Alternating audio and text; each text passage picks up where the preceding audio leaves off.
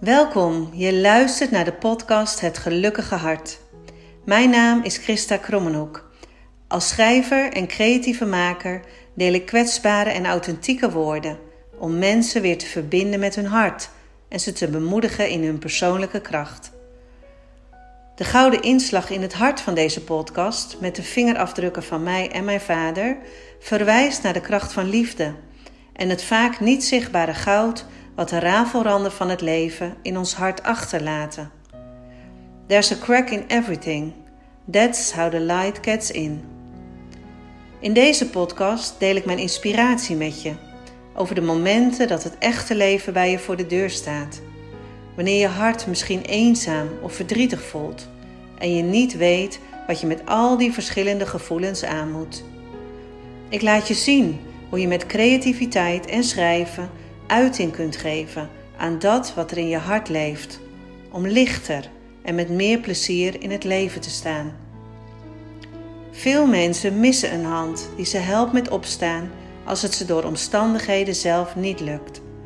Daarom reik ik mijn hand uit naar jou en hoop ik dat mijn geschreven en gesproken woorden je hart zullen verwarmen en dat het je helpt om in moeilijke tijden weer symbolisch op te staan. Dus pak maar mijn hand en ga met me mee op reis in jezelf.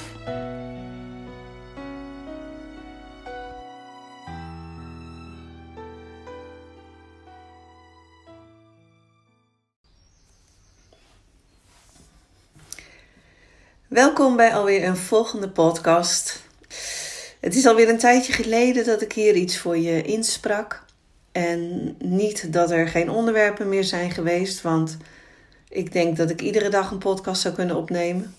Misschien moet ik dat maar eens gaan doen. Uh, maar meer omdat uh, er andere dingen zijn die dan even voorgaan. Want van de week zat ik me te bedenken dat uh, wat je zo vaak hoort, dat we zoveel keuzes hebben op het moment, dat je soms ook moeite hebt met kiezen wat je zal gaan doen, wat je zal gaan kiezen, waar je naartoe zal gaan, wie je zal uitnodigen, naar welk feestje, noem het maar op. En vroeger had je dat waarschijnlijk niet en nu met het internet en andere dingen. Het is echt een soort van overweldigend. Je kunt op Facebook zitten, je kunt op Instagram zitten, je kunt overal op zitten. Je kunt er ook voor kiezen om nergens op te zitten. Nou, waar gaan we het over hebben vandaag? Er zijn heel veel onderwerpen waar ik met je over zou willen praten. En uh, op het moment dat ik altijd het knopje aandoe, heb ik het nog niet helemaal helder en denk ik, het komt vanzelf. Gisteravond uh, was ik uh, een beetje verdrietig. En de afgelopen maanden laat ik dat af en toe toe. Omdat ik het, nou ja, niet alleen omdat ik het druk heb, maar ook omdat ik me heel erg moest focussen op de inhoud van mijn boek, wat ik aan het schrijven was. En natuurlijk kwam daar ook emotie naar boven. Als je een boek schrijft over je eigen leven, over gevoelens, over verdriet en hoop en uh, ook wel geluk, dan uh, komen daar natuurlijk ook gevoelens naar boven tijdens het schrijven. Dus het is niet zo dat ik de gevoelens niet naar boven liet komen. Maar gisteravond was ik zomaar, hè, dan overvalt het je. Misschien herken je dat wel als je iemand hebt verloren dat het verdriet je zomaar kan overvallen. En dat kan gebeuren doordat je een liedje hoort of iets ziet of je ruikt iets. En zomaar gewoon als je ergens loopt. En gisteravond had ik dat ook. En we gingen nog even samen de hond uitlaten. En als je mijn Insta-stories volgt, dan zie je dat het een hele tour is om die hond buiten te krijgen. Dat is al een ding op zich. Uh, maar in ieder geval uh, we gingen nog even s'avonds naar buiten. En ik voelde al dat ik steeds uh, moest slikken en dat ik echt heel veel tranen had. En ik wilde dat eigenlijk niet laten merken. En we liepen buiten en uh, Twan keek mij aan. En hij zei, wat is er? En ik moest echt zo huilen. En hij zei, waarom moet je huilen? En ik zei, ik mis hem zo. Toen moest ik nog harder huilen. Dus hij sloeg zijn arm om me heen en we liepen verder. En we kwamen de hoek om. En hij is helemaal niet van het gevoel, maar hij zei: Kijk, hij heeft een veer voor je achtergelaten.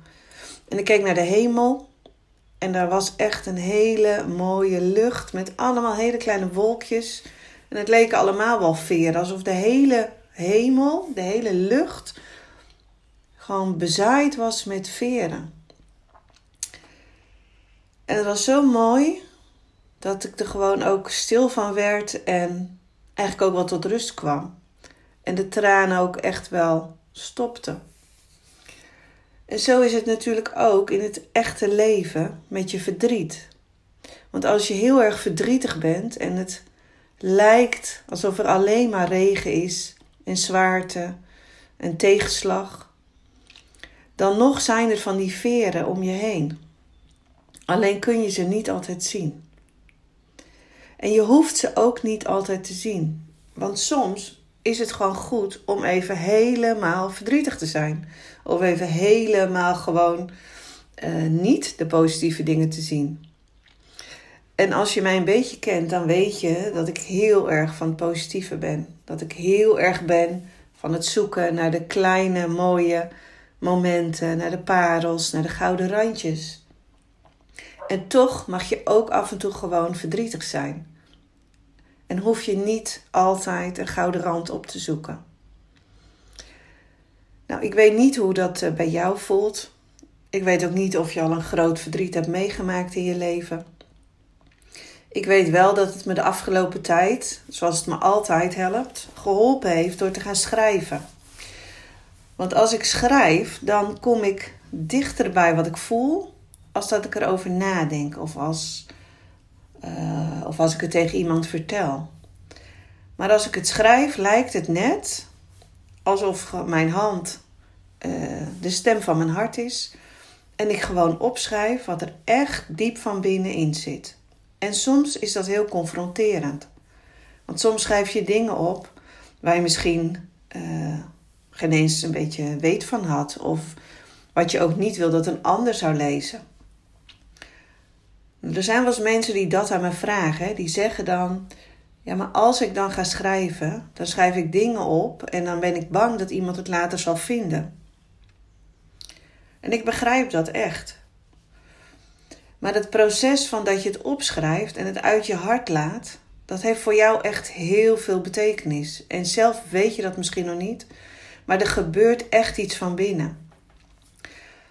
Je lucht je hart, je krijgt meer inzicht, meer helderheid in jezelf, maar je ziet ook wat de volgende stap is voor jou. En dat maakt echt niet uit in welke situatie dat is. Of het nou in het verwerken van verdriet is, of het nou iets anders is waar je over schrijft, je werk, uh, je familie, je kinderen, over geld, uh, je relatie. Of het nou over boosheid gaat, of teleurstelling, of uh, geluk. Het maakt niet uit. Als je het schrijft, gebeurt er iets bij je van binnen. En ik kan je dat bijna niet uitleggen. Dat zou je echt een keer moeten oefenen met mij. Maar op het moment dat iemand zegt tegen mij: Als ik ga schrijven, dan ben ik bang wat er uitkomt en dat iemand anders dat vindt. Dat proces voor jou van het schrijven is het allerbelangrijkste. En wat je kan doen daarna is wat je geschreven hebt. Als je echt wil dat niemand het vindt, dan verbrand je het, je verscheurt het, je begraaft het. Maakt niet uit. Ik kies, zou eerder kiezen voor verbranden hoor, als ik eerlijk ben. Dan is het echt weg. En dan kan echt ook niemand het meer opgraven. Het gaat er dus niet om wat er uiteindelijk op papier komt te staan. Het gaat erom wat er gebeurt als je die pen vastpakt of dat potlood. En mij heeft het de afgelopen maanden ook weer ontzettend geholpen. Er waren momenten dat ik aan het boek aan het schrijven was en dat ik echt huilend achter de computer zat omdat ik beschreef hoe ik mijn vader aan het aankleden was na zijn overlijden. Maar er waren ook momenten dat ik schreef en dat ik in mijn kindertijd zat. En dat ik in één keer een hele mooie herinnering naar boven haalde. Gewoon omdat ik aan het schrijven was. Nou, de gevoelens en de, en de emoties, die gaan dan natuurlijk van links naar rechts. En dat kost heel veel energie. En het belangrijkste is in alles dat je de energie die je hebt bij jezelf houdt. Voor jezelf houdt. Want alles wat je weggeeft aan een ander, daar kun je zelf niet meer van opladen. Dus het is echt prachtig om dingen te doen en te geven. Maar in eerste plaats, denk maar aan het zuurstofmasker. In eerste plaats moet je altijd voor jezelf zorgen. Nou, het is dus een best wel pittige tijd gehad. Het is echt een soort rollercoasterjaar geweest. En nog steeds. En dat, dat komt er ook weer aan, heb ik het idee. Uh, maar ook een mooie jaar. En dat is best raar. Want in het hè, meest verdrietige jaar wat ik heb beleefd, uh, was misschien ook wel mijn mooiste jaar. En misschien dat je het begrijpt, misschien ook niet hoor. Misschien denk je, nou waar heeft ze het over? Maar uh, misschien dat je het wel uh, herkent. Maar goed, ik zit uh, op dit moment in een, dat kun je niet zien, maar ik zit in, een, in de piepelwagen. En het is één groot chaos hier. Want ik zie aan de zijkant hier alleen maar propjes papier van die hele grote A4 in elkaar gevouwen liggen. Die heb ik op de grond gegooid. En voor de rest staat er een kachel die niet aan is. Dus die is hier echt heel erg koud. En er staan allemaal dingen in die of ergens anders horen, of niet op de goede plek staan, of opzij gezet zijn omdat ik hier ging schrijven. Ik zit aan een lege tafel tegen een kale muur te kijken, want hier stond mijn computer. Die sjouwde ik elke dag hier naar binnen en elke dag weer naar binnen naar het huis. En nu zit ik in een lege kamer hier. En het is koud. En het doet me een beetje denken aan het zorgen voor jezelf. Want als je je omgeving, maar ook je eigen leven, je eigen lichaam niet goed verzorgt, dan is het koud, dan is het leeg, dan is het kil, dan groeit er niks. En als ik nu in deze ruimte zit, dan voel ik gewoon dat hier op dit moment geen aandacht is. Er is geen aandacht aan gegeven. Ik zie allerlei uh, insecten dood naast me op de grond liggen. En ik krijg echt de neiging, het is nu s morgens vroeg, ik krijg echt de neiging om naar binnen te lopen, doekjes te pakken, schoonmaakspullen en gewoon aan het werk te gaan. Om dit te gaan verzorgen. Gewoon met liefde en met aandacht deze ruimte die nu om me heen is te verzorgen. En je zal merken als je dat doet in je eigen leven. Dus als je je kamer nu rondkijkt of je slaapkamer. Ga eens kijken of het met aandacht gemaakt is. Kijk eens of er met liefde naar gekeken is. Of ligt er van alles op je nachtkastje wat er al lang af moet? Staan er stapels boeken in de hoek? Wat, wat ligt er allemaal wat er niet hoort? En kijk eens kritisch. Want dat is wat je jezelf geeft. Geef jezelf aandacht, geef je lichaam aandacht, geef je omgeving aandacht. Alleen maar om jezelf te vullen en jezelf te omringen met liefde. Want in een kale, lege, koude kamer is geen liefde. En de liefde begint bij de ruimte om je heen. De liefde begint in je eigen hart. Daar moet je hem het eerst aan geven. En daarna kun je het pas aan anderen geven. Nou, je snapt het, we gaan alweer van links naar rechts. uh, ik weet ook niet wat het onderwerp is van deze podcast. Daar ga ik nog even over nadenken. Wat ik wel weet is dat je inderdaad uh, je pen vast moet pakken. Dat je moet gaan schrijven. En ik zeg niet dat je kunt gaan schrijven. Nee, ik zeg je moet gaan schrijven. En dat hoef je niet openbaar te doen. Dat ga je voor jezelf doen. Je pakt een blaadje, je gaat naar de HEMA, je koopt een schrift en je gaat gewoon s'morgens opschrijven wat er in je hoofd zit. En is dat één zin, dan is het één zin. Is het een A4, is het een A4. Wil je hem daarna eruit scheuren en verbranden, dan scheur je hem uit en je verbrandt hem. Maar wat je gaat doen, is je pakt een pen en je gaat schrijven zonder na te denken. Want dat is ook nog even één ding wat ik je wil meegeven. Bij het schrijven van mijn boek op dit moment. Uh, afgelopen weekend, nee, afgelopen week ben ik echt, ik geloof wel met 30 fotografen aan de slag geweest. Over foto's en rechten en facturen en uh, gratis akkoord en goedkeuring. Maar wat ik ook aan het doen was, uh, ik heb heel veel recensies verzameld. Recensies van mensen die mijn vader goed gekend hebben. En dan uh, heb ik het over een hele lijst van bekende Nederlanders. En dan maakt het niet uit dat ze bekende Nederlanders zijn, maar die hebben met mijn vader gewerkt of die kenden hem goed. Daar heb ik een recensie aan gevraagd. En het grappige was, en dit heeft dus ook met schrijven vanuit je hart te maken. Het grappige was dat ik van een aantal bekende Nederlanders op hun Instagram iets gevonden had, of op hun Facebook, op het moment dat mijn vader overleed. En dat heb ik pas, nou, meer dan een half jaar later gezien hoor. En daar stonden zulke prachtige woorden over mijn vader. Maar toen ik deze BN'ers ging benaderen en vroeg of ze een recensie wilden schrijven voor het boek eh, De kracht van liefde, ehm, deden ze dat allemaal, uiteraard. En ze stuurden mij iets toe. Hele mooie dingen. Maar wat ik zag bij een aantal, is dat de woorden die ze vanuit hun hart schreven zonder na te denken op het moment van zijn overlijden op Instagram of Facebook of Twitter, dat dat de woorden echt waren vanuit hun hart. Dat waren prachtige woorden. En de woorden die ik vroeg op het moment dat ze ze moesten schrijven, soort van op commando, ik moet het volgende week hebben. Denk na, wat ga je schrijven? Wat ga je voor recensie geven over hem? Wie was Koos Alberts? Wat heeft hij voor je betekend? Op het moment dat ze gingen nadenken, gebeurde er bij een aantal iets heel bijzonders.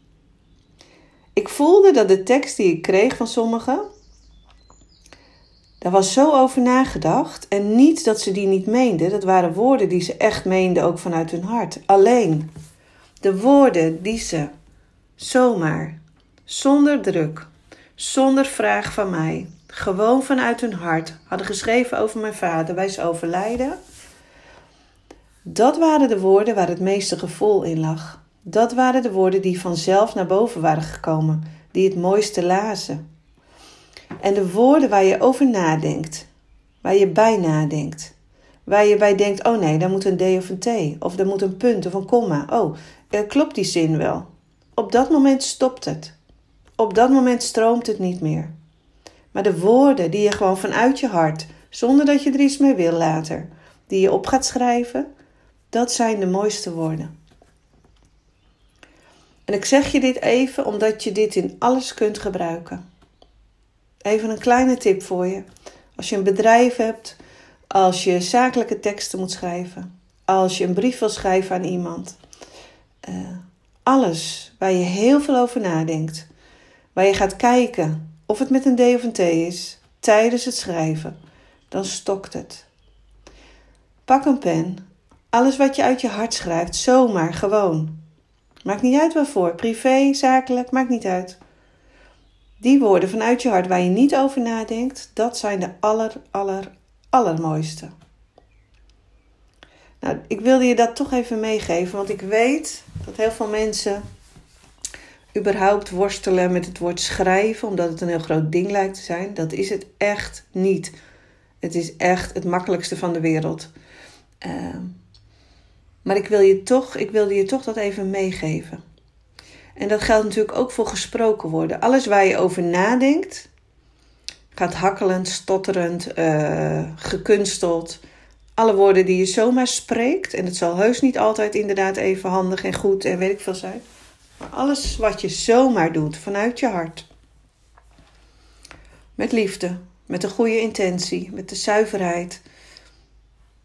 Dat zijn de goede woorden. Of je ze nou schrijft, of spreekt, of zingt, of wat dan ook. Dat zijn de goede woorden. En echt, schrijven is echt niet moeilijk. Schrijf gewoon op wat er in je hart of je hoofd omgaat. Schrijf op of je boos bent of blij. Schrijf op waar je teleurgesteld over bent. Echt, het lucht je zo op. Nou, ik hoop dat je er wat aan gehad hebt. Ik weet niet waar het over ging. Ik hoop dat jij het nog weet. En um, ik weet wel dat ik binnenkort een, uh, de volgende podcast eraan komt. En als je benieuwd bent waar mijn boek over gaat, het universele verhaal over de liefde, over de opstaande tegenslag, uh, ook over ons gezin. Het is een heel persoonlijk boek met heel veel mooie foto's. Mocht je hem alvast willen bestellen, dat kan. Staat nu op de site. Ik zal de link hieronder even zetten. Dus als je wil weten waar schrijven vanuit je hart waar de woorden van liefde over gaan, ga dan even kijken bij het boek De Kracht van Liefde. En beloof me, beloof me, schrijf het anders hieronder of je het gedaan hebt, dat je een pen pakt En dat je voor jezelf af en toe iets gaat opschrijven. Ik zie je de volgende keer. Doeg doeg!